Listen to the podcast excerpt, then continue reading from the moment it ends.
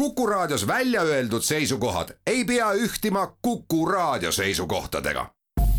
Te kuulate Kuku Raadiot.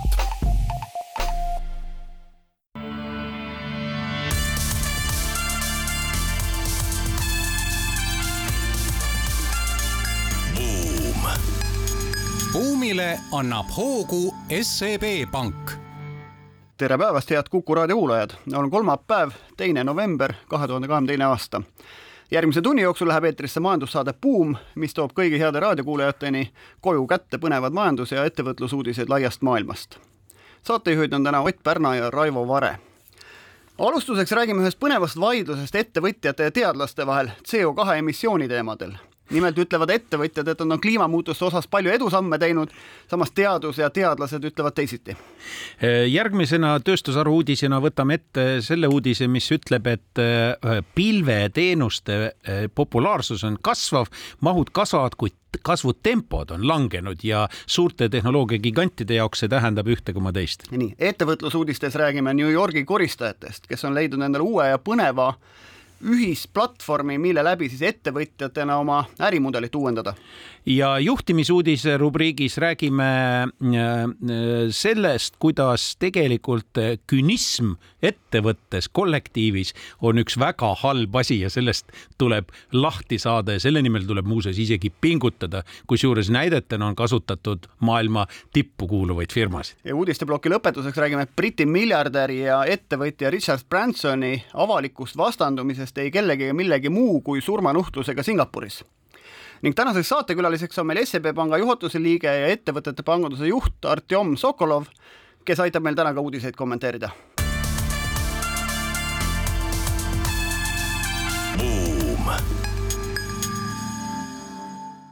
alustame siis majandussaatega Buum ja algatuseks räägime sellest, et on tärganud suur vaidlus ettevõtjate ja teadlaste vahel, nimelt sellel teemal, kas ettevõtjad on piisavalt CO2 emissiooni piiranud, ettevõtjad ütlevad, et nad on nii-öelda ületanud plaani, samas kui teadus ütleb, et asi on, on täitsa vastupidi. Kusjuures samal ajal äh, on tehtud ju äh, ka selgeks, milles on põhjus. põhjus on selles, et kasutatakse erinevaid äh, arvestusmeetodeid, mis annavad täiesti erinevaid tulemusi. Ja on toodud näiteks suuri tehnoloogiagigante, kes on oma nii-öelda turupõhise meetodi järgi arvutades, mis üldiselt on ju tunnustatud meetod rahvusvaheliselt alates kahe tuhande kuueteistkümnendast või seitsmeteistkümnendast aastast, on saanud tulemuseks no näiteks Cisco puhul kuuskümmend pluss protsenti kokkuhoidu ja samal ajal, kui arvutati ümber päris emissiooninumbrite järgi eh, nii-öelda tekkepõhise loogika järgi, siis välja tuli, et see kokkuhoid oli seal ainult kaheksa protsenti. ja, ja kogu see nii-öelda creative accounting, inglise keeles on selline loov raamatupidamine selle asja nimi, et nüüd on siis sellised keskkonnanumbritesse ka toodud, eks. ja selle taga tegelikult peitub üks tõsiasi, et, et needsamad ettevõtjad, neil on võimalik osta tegelikult nii-öelda puhta või kliimakrediiti. piltlikult öeldes siis seda, et ostetakse elektrit mingisugusest elektripakkujalt ja sa saad osta, ütled, ma tahan osta puhast elektrit, siis elektrimüüja ütleb, et aga see elekter tuleb tuulikutest, on ju, aga elekter on sama nagu mägi-jõgi, et sul tuleb hunnik ojasid kokku ja lõpuks tuleb pistik seinas, et et kes see siis ütleb, milline elekter täpselt sinna jõudis. ja nüüd sõltuvalt sellest, mis otsas sa mõõdad seda keskkonna jalajälge, saad sagi täiesti erinevad numbrid. no tegelikult on äh, ju ka kriitikute poolt välja toodud, et põhiprobleem ei ole ju isegi võib-olla selles, mida praegu äh, saatejuht nimetas, vaid pigem selles, et tegelikult ju sellega pet-, petetakse ootusi, sest sisuliselt ju kasutatakse kellegi teise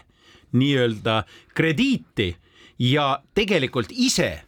seda kokkuhoidu, seda rohelisust ei tagata. ehk siis tegelikult, mis on probleem, probleem on selles, et ma ostan piltlikult öeldes kellegi käest, kellel on see voli ja kellel on võimalus selle emissioonikvoodi ja ma tegelikult ei pea üldse pingutama oma kokkuhoiuprogrammiga ega millegi muuga ega roheliseks minemise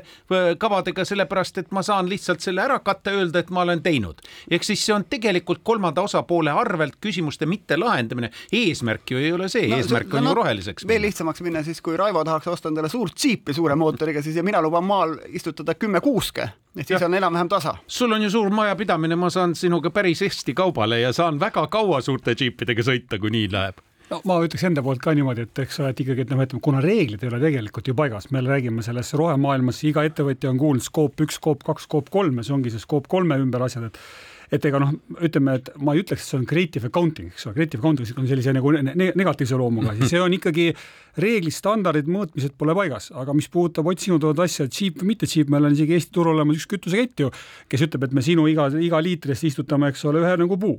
Et see on ikkagi selline nagu carbon offsetting, meil on olemas ka Eestis väga tubli ju startup, alles hiljuti meedias oli see Earth, kes pakubki teenust, meil on olemas e-agronoom, kes ütleb, et ma siin töötan koostööd pankadega, pakun, pakun põllumeestele, eks ole, kuidas sa oma maad harid, eks ole, sa saadki müüa oma neid äh, süsinikku, neid äh, kvoote sellele, kes ei ole seal, kus ta veel on. aga Nii, nüüd, kui ma, kui ma muidu oma talus niisama need kuused istuks, istutaks ka maha, aga siis ma teen rehepappi, et ma istutan kuused, aga siis ma müün nagu indulgentsi veel siis Raivole, et ta ikkagi oma džiibiga saaks sõita. Vaata see, vaata see motiveerib sind istutama kuuski, muidu sul on põld, tühi põld, midagi ei ole, nüüd kui sa saad aru, et selle kuuskede istutamisest ma saan ka raha teenida, muidu kuuse istutamine on lihtsalt ilus asi, võib-olla võtan, võtan hiljem nagu maha, mingit võitu ei ole. aga siin sa tegelikult hakkad ju püüdma seda CO2 läbi oma kuuskede ja sa müüd siis teisele siis seda nii-öelda noh, indulgentsi, eks ole. no ma nimetan seda metsa taastamiseks, mitte põllu täis istutamiseks, aga siiski. no tegelikult siit äh, koorub välja nagu äh, ka sellesama materjali põhjal äh, lahendus, mida võib-olla rohkem tahetakse näha kui see, millest me praegu rääkisime.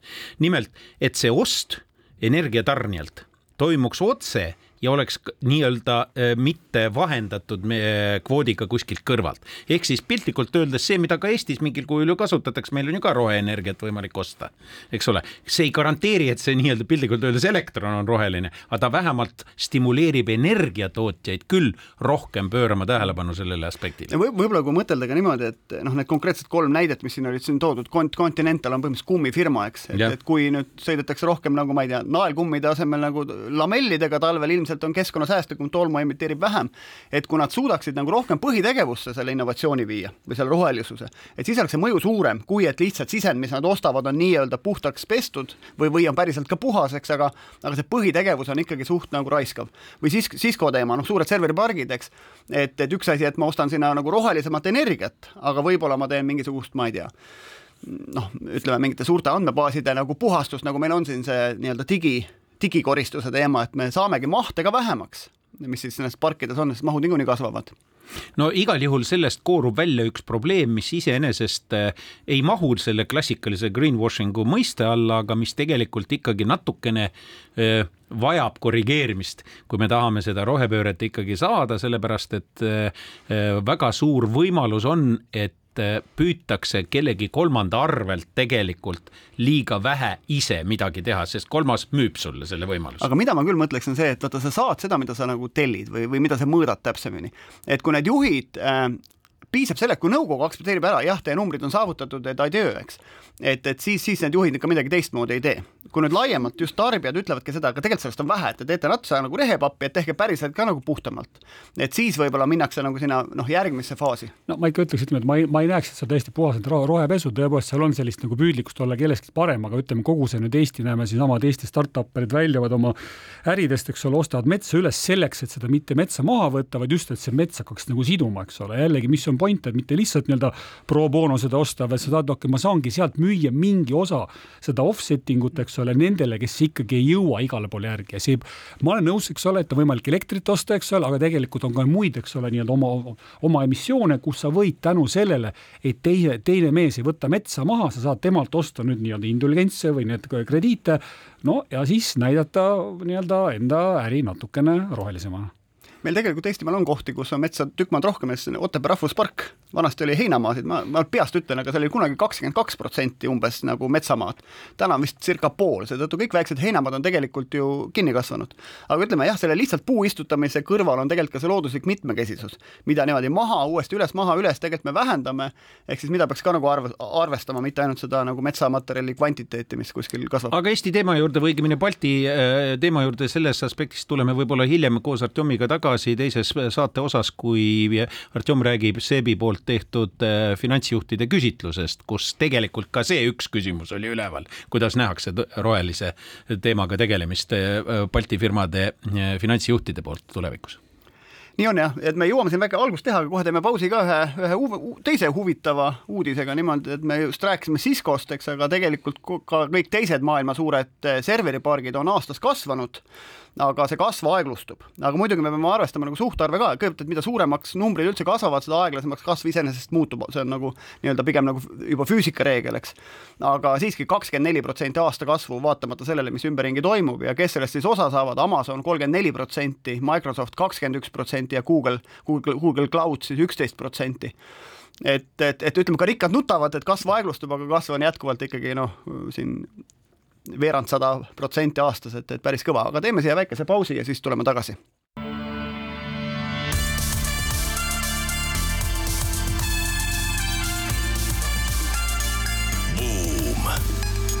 buumile annab hoogu SEB Pank tere taas, jätkame majandussaatega Buum, saatejuhid Ott Pärna, Raivo Vare ja saatekülaliseks täna SEB Panga ettevõtete panganduse juht Artjom Sokolov. eelmise ploki lõpetasime siin äh, uudisega, et maailma serveripargid jätkuvalt kasvavad, kasvavad küll pisut aeglasemalt, et äh, Raivo, sul oli üks mõte siia lisada? Äh, no igal juhul ei ole põhjus selles, et pilved on täis, nagu siin teinekord arvatakse. küsimus on muidugi milleski muus, küsimus on eelkõige ekspertide arvates selles, et on kaks faktorit, üks on tugev dollar mis selles maailmas on väga otsustava tähendusega. teine faktor on veel, millest tasub rääkida ja mis muuseas ei kao veel kuhugi, nii nagu mõnda aega segastel aegadel ka tugev dollar, see on Hiina. Hiina nii-öelda majanduskasvu aeglustumine ja, ja Hiina tervikuna kui, kui oluline eh, serveriparkide eh, voogude jaoks eh, turg on tegelikult noh, ütleme niimoodi, et vähem annab kasvuefekti kui tavaliselt jah, aga siit edasi läheme New Yorgi koristajatest rääkima, nimelt on siis eh, noh, ka ühe maailma vanima ametiga tegu, eks, aga, aga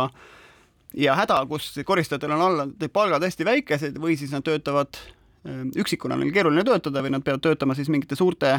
koristusfirmade all, kus on jällegi neil palgad väikesed, aga siis New Yorgis tehti selles kohas innovatsiooni ja loodi selline asi nagu Brightly Cleaning, mis on siis frantsiisi ettevõte, mis on iseenesest ühistu, koristajate endi ühistu kes siis võtab overhead'i viis protsenti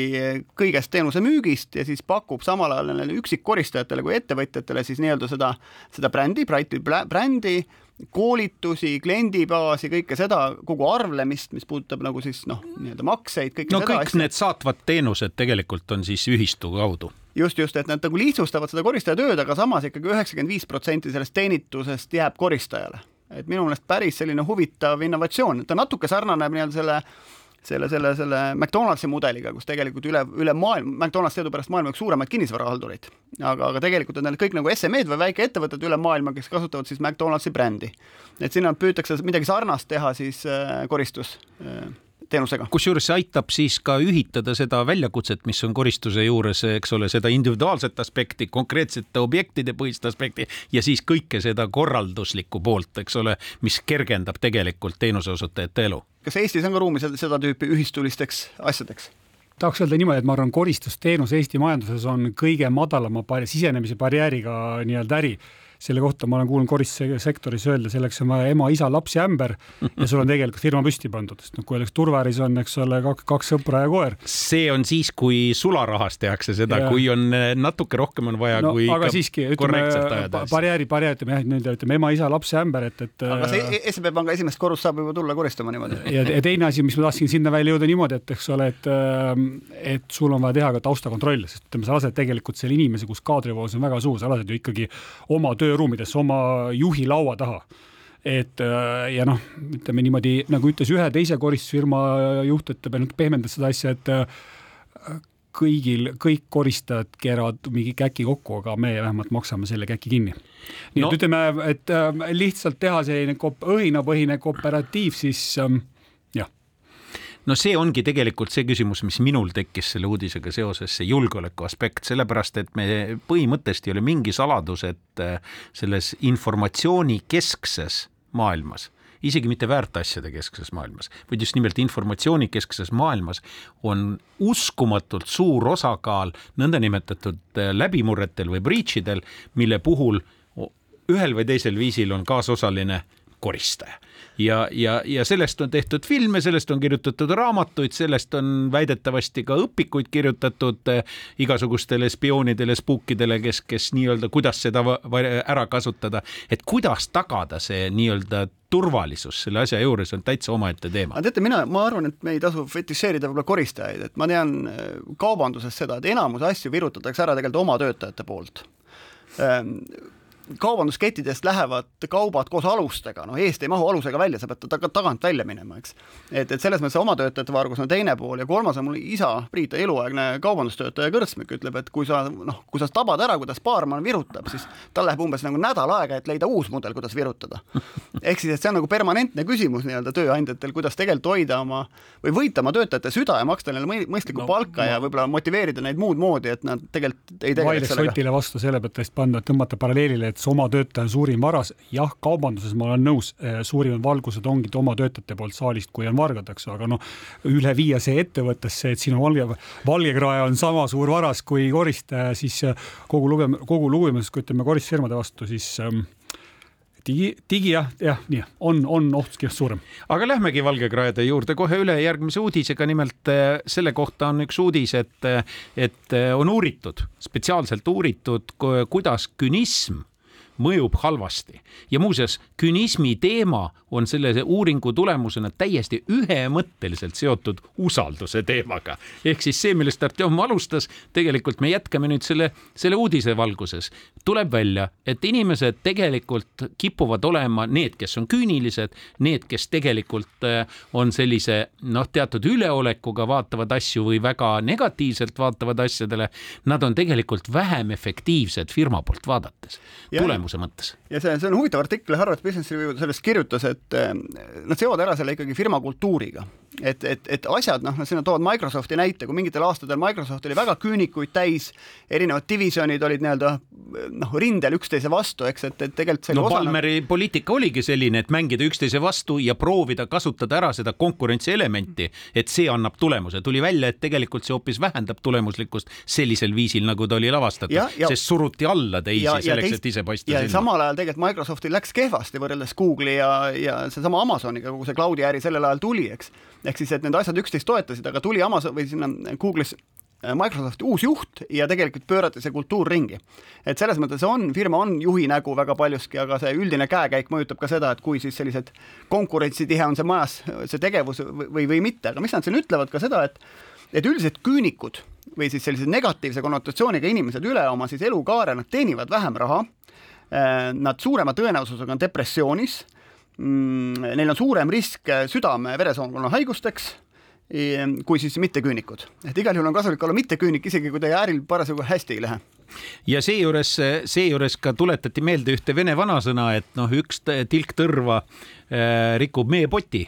et noh, tuleb nagu jälgida et äh, kollektiivis oleks võimalikult vähe võimalusi tõl-, selle meepoti tõrvatilga sattumiseks ja see ja lausa esimese kategoriseeriva või, või kvalifitseeriva eritunnusena nimetasid uurijad ei midagi muud kui äh, nad nimetavad seda cynical trap, see on siis lõks,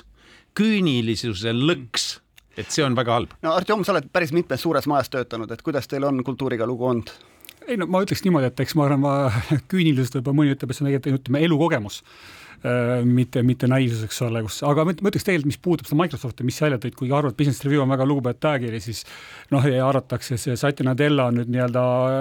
ongi asja võti, siis mõtleme, kui toome teised vähemalt sama edukad ettevõtted, võtame siinsama Elon Musk, väga ekstsentriline vend, võtame, eks ole, Jeff Bezos Amazonis ka vahepeal maailma rikkam mees, nende kohta kui loed, siis äh, neil küll puudub minu, minu, minu teada selle Satya Nadella selline aura ja ometi need ärid on kasvanud veelgi kiiremini nagu, et ehk siis ütleme, olles ise oma elu peal kogenud seda nüüd Microsoftis seda nii-öelda nagu sa ütlesid, kurja kulutud või siin Raivo peal seda stack and rank põhimõtet, kus inimesed on nagu kümme protsenti nii-öelda on exit, siis ma ütleks, et ähm, väga efektiivne kapitalistlik mudel, et aeg-ajalt peaks seda ka meil kasutama. Nojah, see on see, et, et kas on hea või halb politseinik, see juht või parem on, kui firmas on võib-olla mõlemad olemas. Ja üks asi, et majandustulemused ei pruugi kuidagi nagu väljendada seda, milline on see ettevõtte kultuur ja kui sa neid inimest, nendest kaadrivoolavust tahad all hoida, siis ütleme igal juhul selline parem kultuur tundub nagu mõistlikum. no mina tahaks tegelikult sellest hoopis ühe õppetunni nagu ära rõhutada sellest uuringust, mis välja tuli minu meelest. nimelt see tuli sellest aspektist, mis ka uuring välja tõi, et, et selle nii-öelda halva mõjuga olgu küünilikud või mitte, halva mõjuga juhtimiskultuuris on väga oluline see aspekt olnud, et juhid konkureerivad omavahel nullsumma mängu põhimõttel ja nüüd see on ju tegelikult lõpuks see, mis viib põhja kõik, eks ole, ei ole nii, et on nullsumma mäng, koostöö koos toimetamine, ühiste eesmärkide saavutamine, see on see, mis tegelikult on vaja kultuuris juurutada sellisel viisil, et saada parimaid võimalikke tulemusi. et kui on nullsumma mäng, siis varem või hiljem see lööb tagasi. minu õppetund sellest on sellest eelkõige. ja, ja ütleks tõesti, aga koostöö puhul ongi oluline see, et sul on kõigil võrdsed mängureeglid, sest nii nagu ikka üks hakkab supipoti nurgas ikkagi oma paksemat leent keetma siis see asi hukkub nagu pikali, ehk kindlasti me jõuame hiljem välja selle CO2 temaatikani maailmas, et ikkagi ainult Euroopa oma püüab rohepööret teha ja kauged Aasia riigid, suured riigid, India ja Hiina seda ei tee, siis ma arvan, me oleme kaotajate hulgas. aga see, et maailma ettevõtjate juhtide seas on ikkagi Robin Hood, see vastab tõele, nimelt on siis Richard Branson, miljardär, Inglismaa või Briti ettevõtja võtnud ette siis Singapuri ja Singapur on teadupärast üks riik, mis või linn, linnriik Kagu-Aasias, kes on edenenud üsna nagu tõhusalt viimane siin viiskümmend aastat. aga siiski on neil alles äh, surmanuhtlus ja alles hiljuti nad siis ühe, ühe neljakümnendatesse mehe äh, teise ilma saatsid, siis nemad teevad seda poomise läbi ja teema oli siis äh, narkootikumide vedu. kusjuures see kogus oli mingi nelikümmend kaks grammi heroiini, mis ta smugeldas sisse, Malaisia mees ja tema puhul toodi ka veel eraldi välja, et noh, et, et see on mõneti isegi rohkem mõistetav, noh, jätame nüüd selle kõrvale, kas see päris nii on, aga vähemalt see arusaam on selline, sest tema IQ oli hinnanguliselt kuuskümmend kaheksa ehk siis mitte liiga äh, erkriit, ütleme siis niimoodi. ja, ja, ja ta ju kahe tuhande kümnendast aastast tegelikult ootas seal surmamõistetute reas death row's, eks ole, seda oma saatust ja aprillis siis see juhtus, vaatamata protestidele. ja kuna äh, Richard Branson on niivõrd välja silmapaistev isik siis loomulikult tema vastuväited olid niivõrd tugevad, et isegi Singapuri valitsus pidas vajalikuks talle teha ettepaneku tulguda vastava ministriga teledebatti pidama Singapuri, et siis selgitada, kellel on rohkem õigus. kas on õigus Bransonil rääkida läänelikest, pange tähele, seda räägib Singapur, läänelike väärtuste pealesurumisest või siis on õigus hoopiski Singapuril, kes ikkagi ajab oma liini ja me teame, et nad on alati olnud väga karmi nii-öelda äh, korra hoidmise poliitika poliitika pooldajad. nojah, et seda peab ühelt poolt teadma, kustkohast see Singapur pihta hakkas, et viiskümmend aastat tagasi visati Malaisia föderatsioonist välja noh, endine Briti sadamalinn on ju, inimkaubandus, relvad, narko, et see oli nagu hästi oluline probleem, et sel-, selge, et algul on nulltolerants, aga küsimus, et et millal sa selle, sellega nagu piiri teed ja mida Branson ka ütles, et see ei ole küsimus midagi nagu, et, et britid tuleks nagu singapurlasi või aasiaate õpetama, vaid see on üldine Euroopa või maailma inimõiguste harta teema, et, et õigus elule ja, ja, ja, ja nii on. aga teeme siin väikese pausi ja tuleme siis juba intervjuuga intervjuuga tagasi.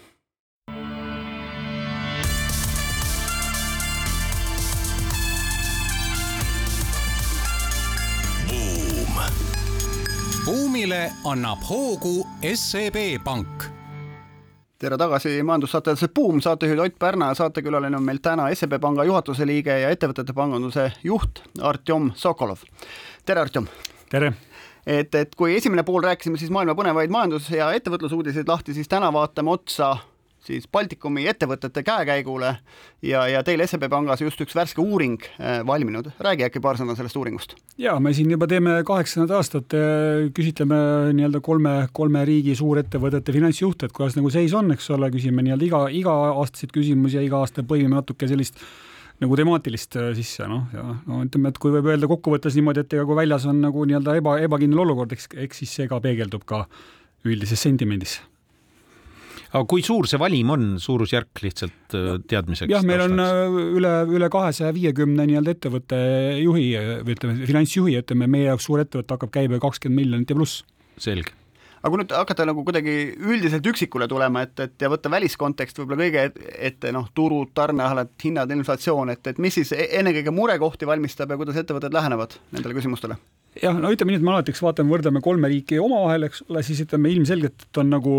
noh, ähm, kui me küsime, et, et kas see nagu pigem hetkel laieneks või mitte, siis üldiselt ikka Eesti ettevõte niikuinii laieneb või kaalub laienemist nagu vähem, ikkagi kui investeerib, investeerib Eesti sees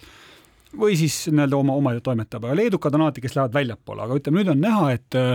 et äh, majanduskeskkonnas, me ütleme, tegime küsitluse septembrikuus, noh, ütleme niimoodi veel siin poolteist kuud tagasi, et äh, selgelt on vähenenud äh, soov, valmidus laieneda väljaspool oma koduriiki. aga mis on selle põhjus, mis on nii-öelda, miks nad ei taha minna, miks on vähenenud see valmisolek no, väljapoole laieneda? eks see on ebakindlus, eks ütleme, seal ka kaasneb ka teiste küsimustega, et eks kui sul on raha, kas sa praegu investeeriks üldse, ei, ma pigem ei investeeriks, kas sa siis nii-öelda hoiaks ennast likviidsena, jah, ma pigem oleks likviidsena, see on ikkagi ebakindlus. aga ma ma tahaks siiski täpsustada seda veel, et kas geopoliitika ka mängib mingit rolli selles väljamineku soovis? me ütleme, me ei küsinud sedapidi, et kas geopoliitika seda mõjutab, aga samas, kui me küsime, mis on sinu top kümme mure, siis kui ma mäletan varasemalt mõned aastad tagasi küsime geopoliitikat ja see seondus ikkagi siis tol hetkel Põhja-Korea võimalike tuuma nii-öelda rakettidega, see oli see geopoliitika sünonüüm, siis nüüdseks on see tuumaraketi väljalaskepunkt Põhja-Koreast liikus mõnevõrra lähemale ja see on tulnud sealt alt põhjast küsimustest on jõudnud top üks, top kaks küsimuseks. aga see, et mureks. ei, ei plaanita nagu investeerida just Eestist välja, kas see võib-olla natuke on see valimist kinni, vaata me ennem rääkisime seda, et, et noh, Eesti startup'id siin teevad, on pioneerid ühes ja teises valdkonnas ja need on nagu born global'id päevast üks, eks nad teevadki rahvusvahelist turgu. Neil isegi ei olegi õieti valikut. aga enamus, ütleme, no ütleme, võib-olla suur osa valimist ongi siseturu suunaga ettevõtted, võib-olla seetõttu või siis traditsioonilisemad, et nad ütleme, mõnevõrra vähem kaaluvad välja investeerimist. jaa, seda küll, sest kui me võtame Eesti startup'ide käivet, eks ole, meil ei ole väga palju kelle käive oleks üle kahekümne miljoni, eks ole, me ikka tahame, vaatame neid, kes on selle Eesti maksu, maksubaasi nagu loojad, Eesti tööhõive loojad, siis paraku IT-sektor väga kiiresti kasvab, aga noh, need ei ole veel need, kes annavad siis sellist nagu maksu, maksutooni. et tõesti, nii-öelda traditsiooniline ettevõte, nemad ei lähe, võib-olla on ka see, et on kunagi proovitud, me alati hüpotees on see, et miks leedukad on alati valmis, nendel on ikkagi seda vana kuningriigi verd, leedukas olid kunagi, jõudsid välja ka Musta mereni oma kuningriigini. noh, ja seda on näha, sest lätlased on juba natuke meie moodi ja eks ma arvan, me oleme siin Soomes ära käinud, oleme siin Venemaal oma tehastega ära käinud, ega väga vähe meil, kes, kes on läinud ju naaberriikidest kaugemale. nojah, aga välja tähendab ju ka selle küsitluse kontekstis siiski riigipiiridest välja, kui te küsite eestlase käest, kas Eesti ettevõtja käest, kas ta läheb välja, siis selle alla käib ka ju Läti, kuhu ju eestlased ammu on nii-öelda läinud. seal on ära proovitud, ära käidud, no ütleme niimoodi kokkuvõttes jah, ütleme, et on, on, on nagu vähem sellist valmidust on äh,, on. aga kuidas sa ise näed, et kas, kas need ettevõtted ootavad uut generatsiooni juhte, omanikke, et, et siis uuesti proovida või on need uued traditsioonilised ettevõtted, kes siis lähevad välja, ma ei tea, et Skeleton on oma tehastega täna Saksamaal, eks. no ta ei ole klassikaline traditsiooniline ettevõte. kondensaatorid, aga siiski ehitab tehast, on ju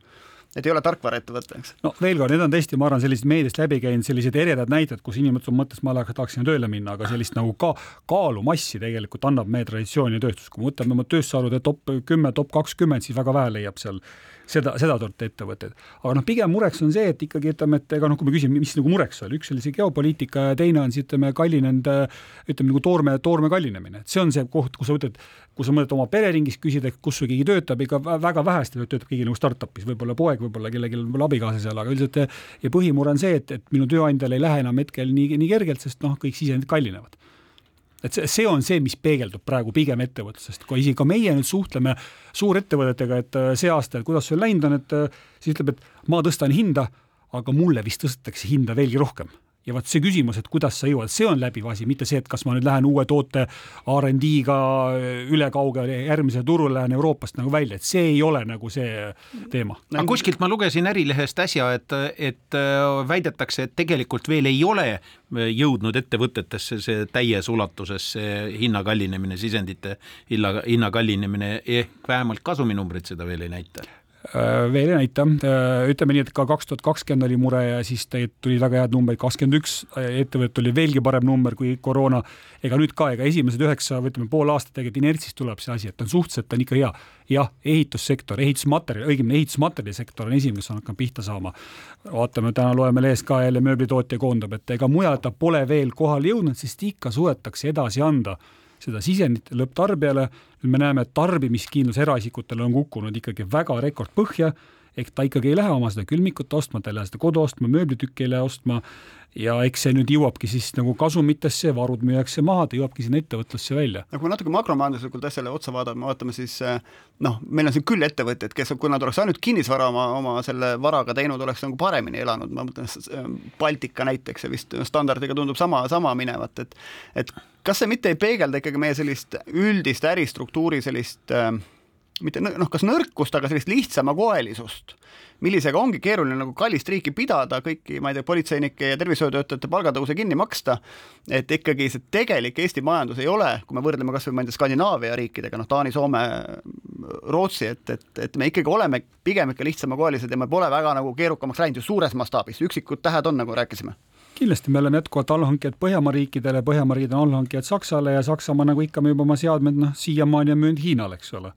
et me, me kindlasti tahame mööda minna sellest Soomest, Rootsist, see, selles mõttes, aga noh, me oleme kolmkümmend aastat üritanud ja vaikselt liigume sinnapoole. aga teistpidi ma, ma tuletaks meelde, kunagi oli väga suur võitlus oli selle nimel, et, et kuhu oli vist Audi, Audi tehas luua nii-öelda Ida-Euroopasse, eks ole, ja siis lõpuks kas BMW, see BMW oli. või BMW, noh, ütleme, et ma arvan, see risk oleks olnud palju suurem, kui see oleks kontsentratsioon ühe sellise tööandja ümber. kui ikka jama on, eks ole, ikkagi Eesti on piisavalt väike, väikeste ettevõtte kogum, kes suudavad ennast julgeks öelda, palju paremini ümber korraldada, ümber orienteerida, kui selline suur autotehas, nüüd otsustan ringi, panen kinni ja noh,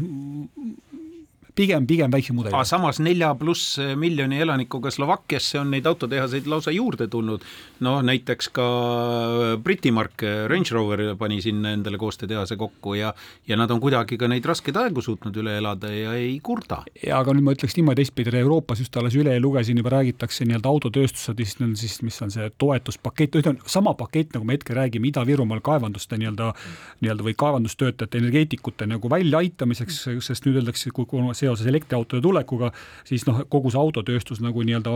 nagu tõmbab ennast vaikselt kokku, siis mismoodi me hakkame autotööstuse inimesi välja aitama? No ilmselt, kui neid on piisavalt palju, siis tuleb Elon Musk ja pannakse oma tehase kõrvale, sest need insenerid on, tuleb tööle panna ja teine asi, alati tuleb vaadata ka, mis teha, noh et brittidel ka tegelikult ju suur osa Briti autotööstustest on Inglismaalt väljas, eks, aga samas vormel ühte tehakse jätkuvalt Inglismaal, eks, et, et tervet rida selliseid noh, niši asju, mis on väga kõrge inseneerilise tasemega, tehakse jätkuvalt, no meil tehakse Esteloni kõlareid, on Ida-Virumaal, eks, maailma absoluutne tippkõlar. et, et noh, alati see ei tähenda nagu sellist ideaal oleks see, kui Eesti oleks üks suur startup ühiskond, igaüks töötaks selles maailma parimas unicornis ja ülejäänud oleks, kõik lendaksid selliste lendavate autodega, aga paraku ühiskond on veel natuke teistmoodi. aga no räägime inflatsioonist, kuna värskelt on välja tulnud ka inflatsiooninumbrid ja järjekordselt Balti riigid on pannud siin, nagu öeldakse, margi maha ja Euroopast kõige, kõige rohkem või kõige kõrgemate numbritega silma paistnud eesotsas Eestiga järjekordselt, siis kuidas sellesse suhtuvad juhid? siis vot siin oli, ütleme nii, et kui me küsisime, et kuidas on nagu, mis sa arvad nagu oma inflatsioonis või hinnas, siis tegelikult äh, kuni kümme protsenti arvavad, et hinnad hakkavad juba langema eks selline ootus, kui me siin kuu aega tagasi küsime, et ei olnud see, et nüüd kappab veel noh, kahekümnelt kolmekümne protsendile, me räägime teine kümme protsenti või kaksteist protsenti ja ütleb, et noh, et hinnad jäävad samaks, et on nagu, on juba lagi käes ja umbes kolmkümmend protsenti arvavad, jääb sellise nulli ja kümne protsendi piires. kokkuvõttes võiks öelda, et pooled Eesti ettevõtted arvavad, et noh, et see inflatsioon ei lähe rohkem üle kümne protsendi. Lätis on nagu noh, natuke ollakse skeptilisemad, Leedu on meiega sarnane. jah, nõus, on mingisugune protsent, umbes kümme protsenti arvavad, et läheb veel kakskümmend protsenti kallimaks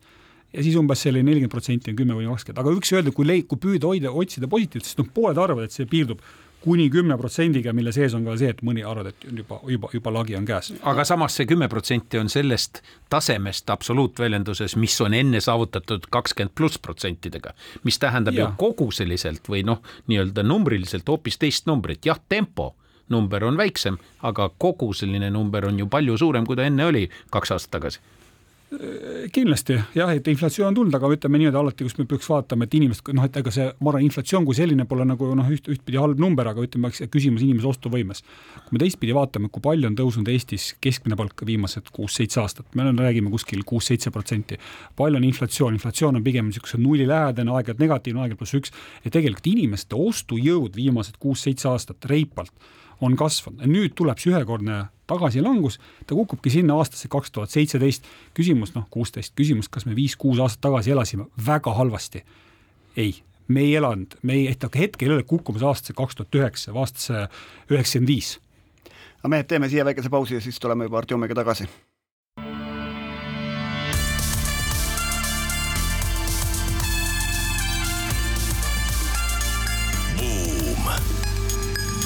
buumile annab hoogu SEB Pank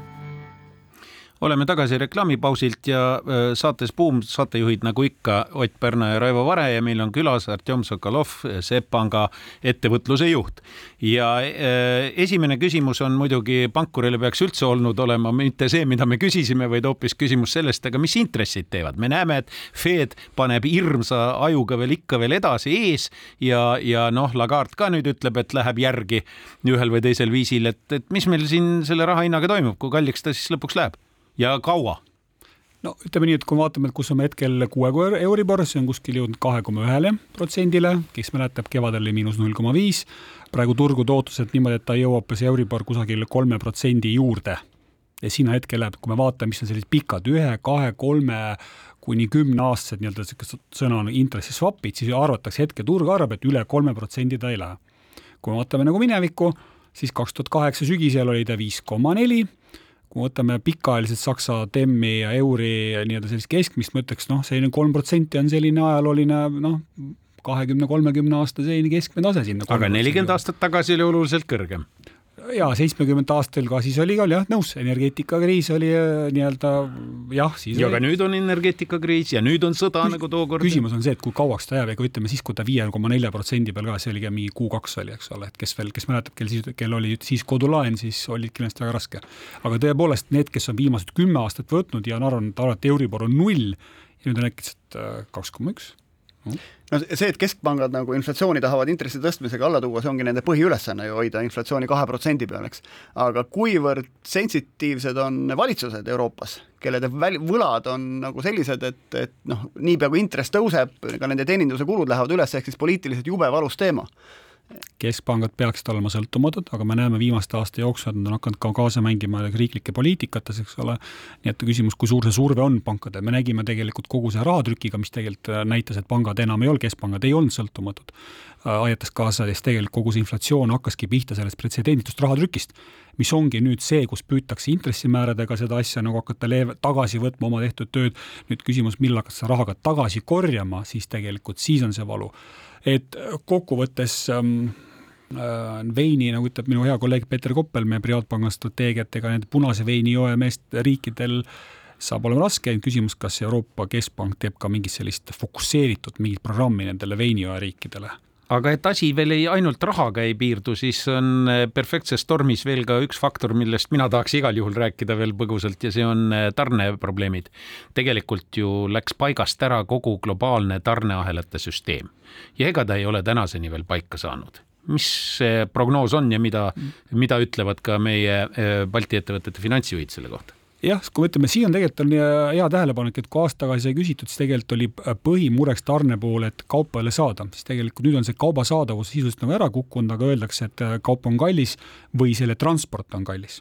Et, et tegelikult ettevõtted ei tunneta sügisel seda vähemalt nii äh, suhtes eelmine aasta, et see valu oleks nagu nii-öelda akuutne. et võiks öelda, asi on, et on ära lahenenud. Või on, on, on lahenemas. Ja, ja kui ettepoole vaadates pigem võib-olla on ka selline, et tundub, et asi liigub paranemise suunas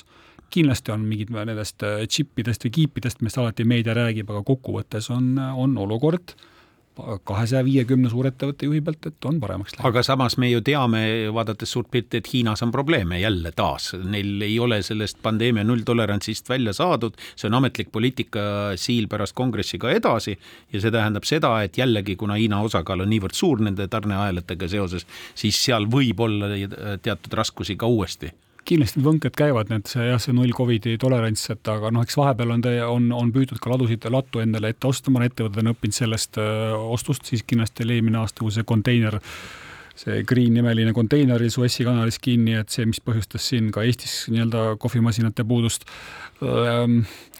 aga ma ütlen veel kord, eks kõhutunne võib öelda üht-teist, kui me vaatame praegu me sellise suhteliselt representatiivse uuringu pealt, siis tegelikult ettevõte ei tunneta, et tarneahela probleem, räägime autod, automüüjatega tegelikult see probleem, mis oli, kus pidi ootama poolteist aastat, see hakkab tulema nagu läheb paremaks. no me teame ju, puidu hind tuleb alla, mingi gaasitankerid, LNG tankerid ikkagi otsivad kodusadamat lõpuks, et neid kuskilt on sadamast teele saadetud, eks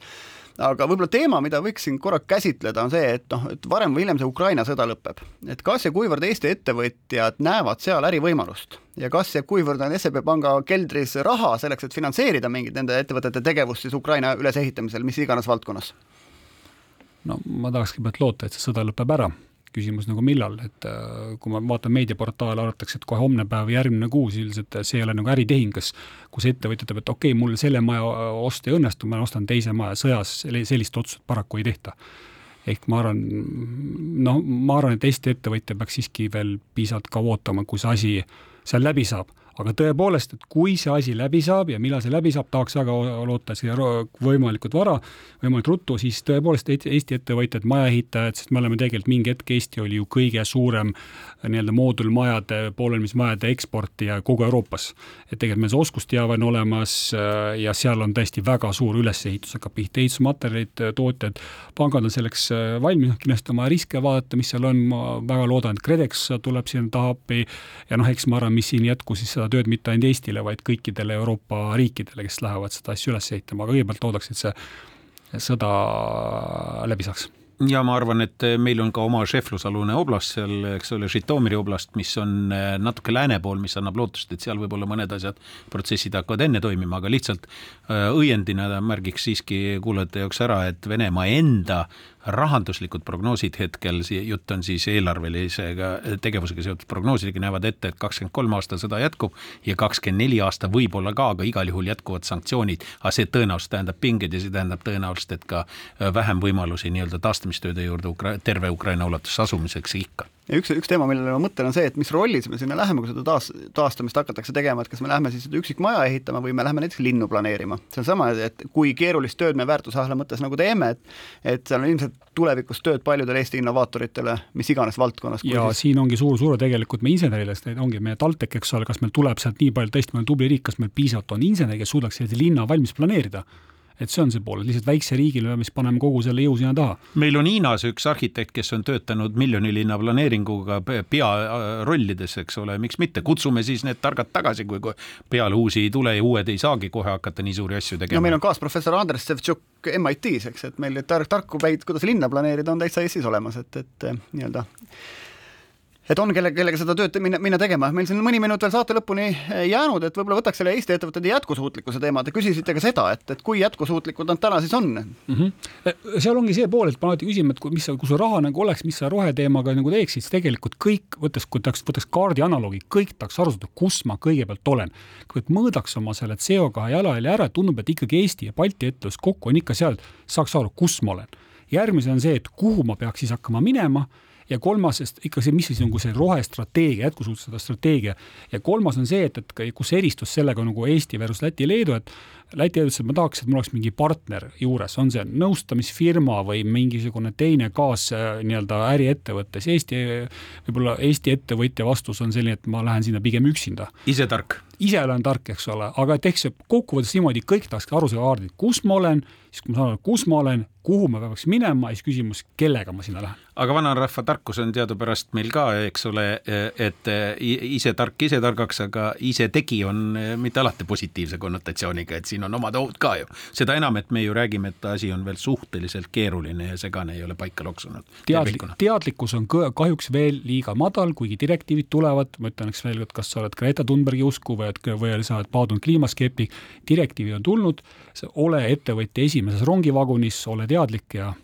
saa aru, kus sa oled ja mine kas ja kuivõrd sa näed, et Eesti ettevõtted, ka konkurendid omavahel selles osas koostööd teevad? ma ei tea, teete te mõne teise pangaga ka Eestis koostööd? no ütleks pigem Eestis on lood väga hea, siis on see Rohetiigri, eks ole, programm, eks, kus on ettevõtted, pangad, kes on siia liitunud, ma arvan, see on selline hea koostööplatvorm kõigile oma teadlikkuse tõstmiseks aga seal on veel väga palju tegevusi, mis tegelikult ei sõltu ettevõtlussektorist ja mis on tegelikult riigi probleemid. ja seal minu meelest on veel vajakajäämisi või ütleme siis pehmelt, et on veel ruumi, arenguruumi aga kas sa näed, kas räägitakse nagu ainult sellest jätkusuutlikkusest nagu kliima ja keskkonna mõttes või on selline sotsiaalne vastutustunne ka, mis nagu kuidagi ülespoole olulisuses tõuseb? no peamine teema on ikkagi siis nagu see siis E-täht, see environment, selle ESG-s, eks ole, sest ütleme, see on see, mida sul nõutakse eelkõige rohkem ka nende, nende tarnijate poolt, aga jah, mida rohkem sa tarnid kuhugi Põhjamaadesse, Euroopasse, siis on ka see S ja G seal ka juures seal, social and governance selles ESG-s. aga selle peale kohe küsikski, et kuidas see pank vaatab ettevõtluse poole peale, vaadates selle ESG nii-öelda eel eeltingimusel, me teame, et on äh, märkimisväärne hulk rahvusvahelisi finantsinstitutsioone teinud kokkulepet, üritavad sisuliselt seda asja nii-öelda ajada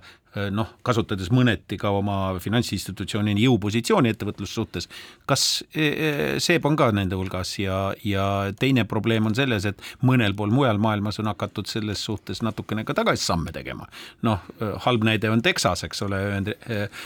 USA-s, aga, aga mitte ainult ma saan, mul on jäänud täpselt kaks minutit selle asja lahti rääkimiseks või isegi minut, aga tõepoolest, ütleme esiteks, eks ole, meid reguleerib Euroopa Keskpank, kes tegelikult on, on panemas kõikidele pankadele, mitte ainult meile peale varsti lisakapitalinõuded sellest vaates, kui mitteroheline meie portfell on, ehk see on üks asi, ehk me peame sinnapoole liikuma, hakkama ettevõtte küsima küsimusi, teine asi on see, tõepoolest SEB on öelnud turu peal välja, et meil on nii-öelda, mis on meie fossiilse laenuportfelli osakaal, kuhu me tahame välja jõuda, me oleme tegelikult hakanud selle suunas tegema samme, kui palju me finantseerime fossiilset energeetikat, et äh, ja noh, mis puudutab, eks ole, seda muud, seda, mis, kus mainisite sedasama Texas, siis tõepoolest on, kui on need regulatsioonid muutuvad väga rangeks, siis osa panku tunnetavad, et nad ei pruugi hakkama saada kõikide nende regulatsiooni tsunamiga no SEB Pangal on igatahes selleks head eeldused, et on vähemasti kõige rohelisem logo Eesti, Eesti Vabariigis pankade osas, et selles mõttes loodame, et me selle järgi hinnata, kelle rohelisem logo on. no siiski, siiski, noblesse oblige. ja, ja teil on moraalne kohus olla eestkõneleja selles vallas. aga buum on tänaseks ümber saanud, aitäh äh, Artjom Sokolovile, hea partneri SEB Panga juhatuse liikmele ja ettevõtete panganduse juhile, siis buumile külla tulemast. buum on taas eetris täpselt nädala pärast, kolmapäeval kell üks. seniks teile kõigile ilusat päeva